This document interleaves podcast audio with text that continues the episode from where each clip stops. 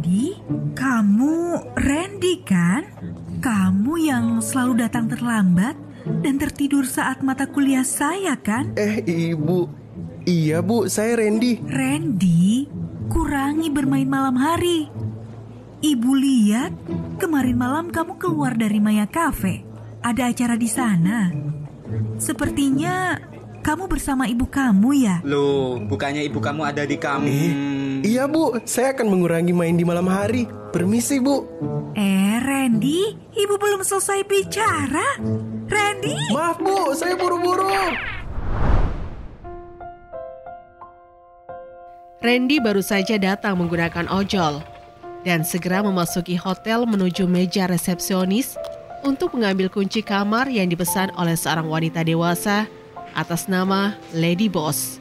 Ada yang bisa saya bantu, Kak? Saya mau ambil kunci.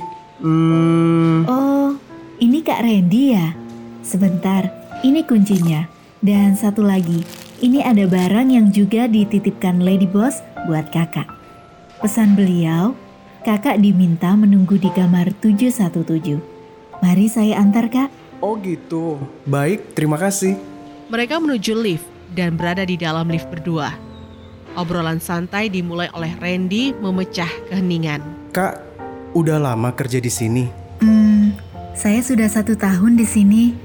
Tante Lia yang merekomendasikan saya, kak. Lia?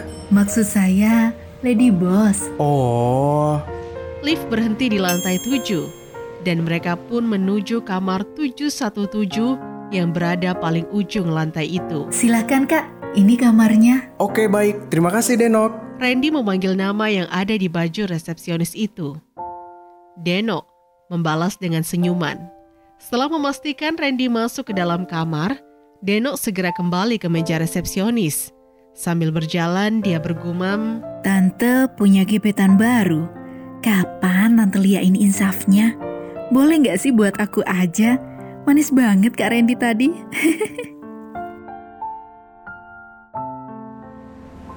Keesokan harinya terlihat Randy turun dari mobil Pajero hitam dengan menenteng tas ransel miliknya. Tampak seorang wanita berkacamata hitam memberikan ciuman jauh kepada Randy. Randy masuk kampus dengan percaya diri, namun ada yang aneh hari ini. Banyak mata menatapnya penuh dengan rasa heran. Jesse dan Nancy memberitahu gosip yang mereka buat kepada Reno. Pasalnya Reno adalah cowok paling ditakuti karena ia adalah putra dari donatur terbesar di kampusnya. Benar kata Jesse dan Nancy kali ini. Mereka berdua dengan mulut bocornya berguna juga. Aku harus samperin bocah ini. Aku nggak boleh ada saingan. Reno tiba-tiba menghentikan jalan Randy. Hei, kamu. Baru diantar Pajero aja lagaknya selangit. Gak usah jadi sok di kampus ini. Oh ya, aku peringatin kamu ya.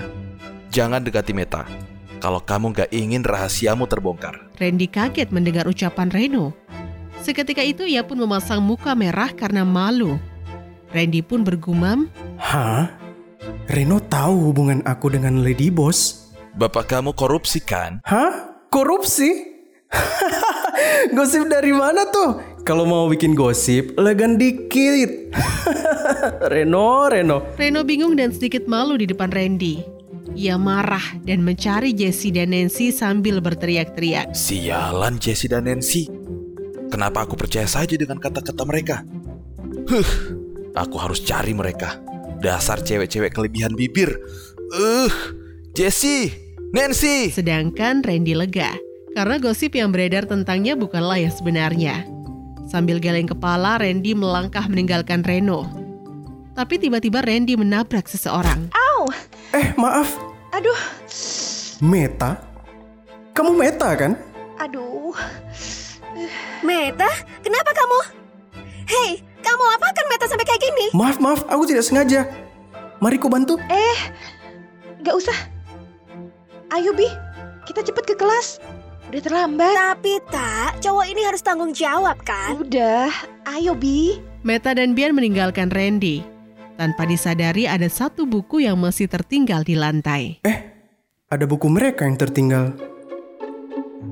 Meta akuntansi. Ah, bener. Dia Meta, cewek yang dibilang Reno tadi. Aku harus mendapatkannya. Reno, kini kita saingan.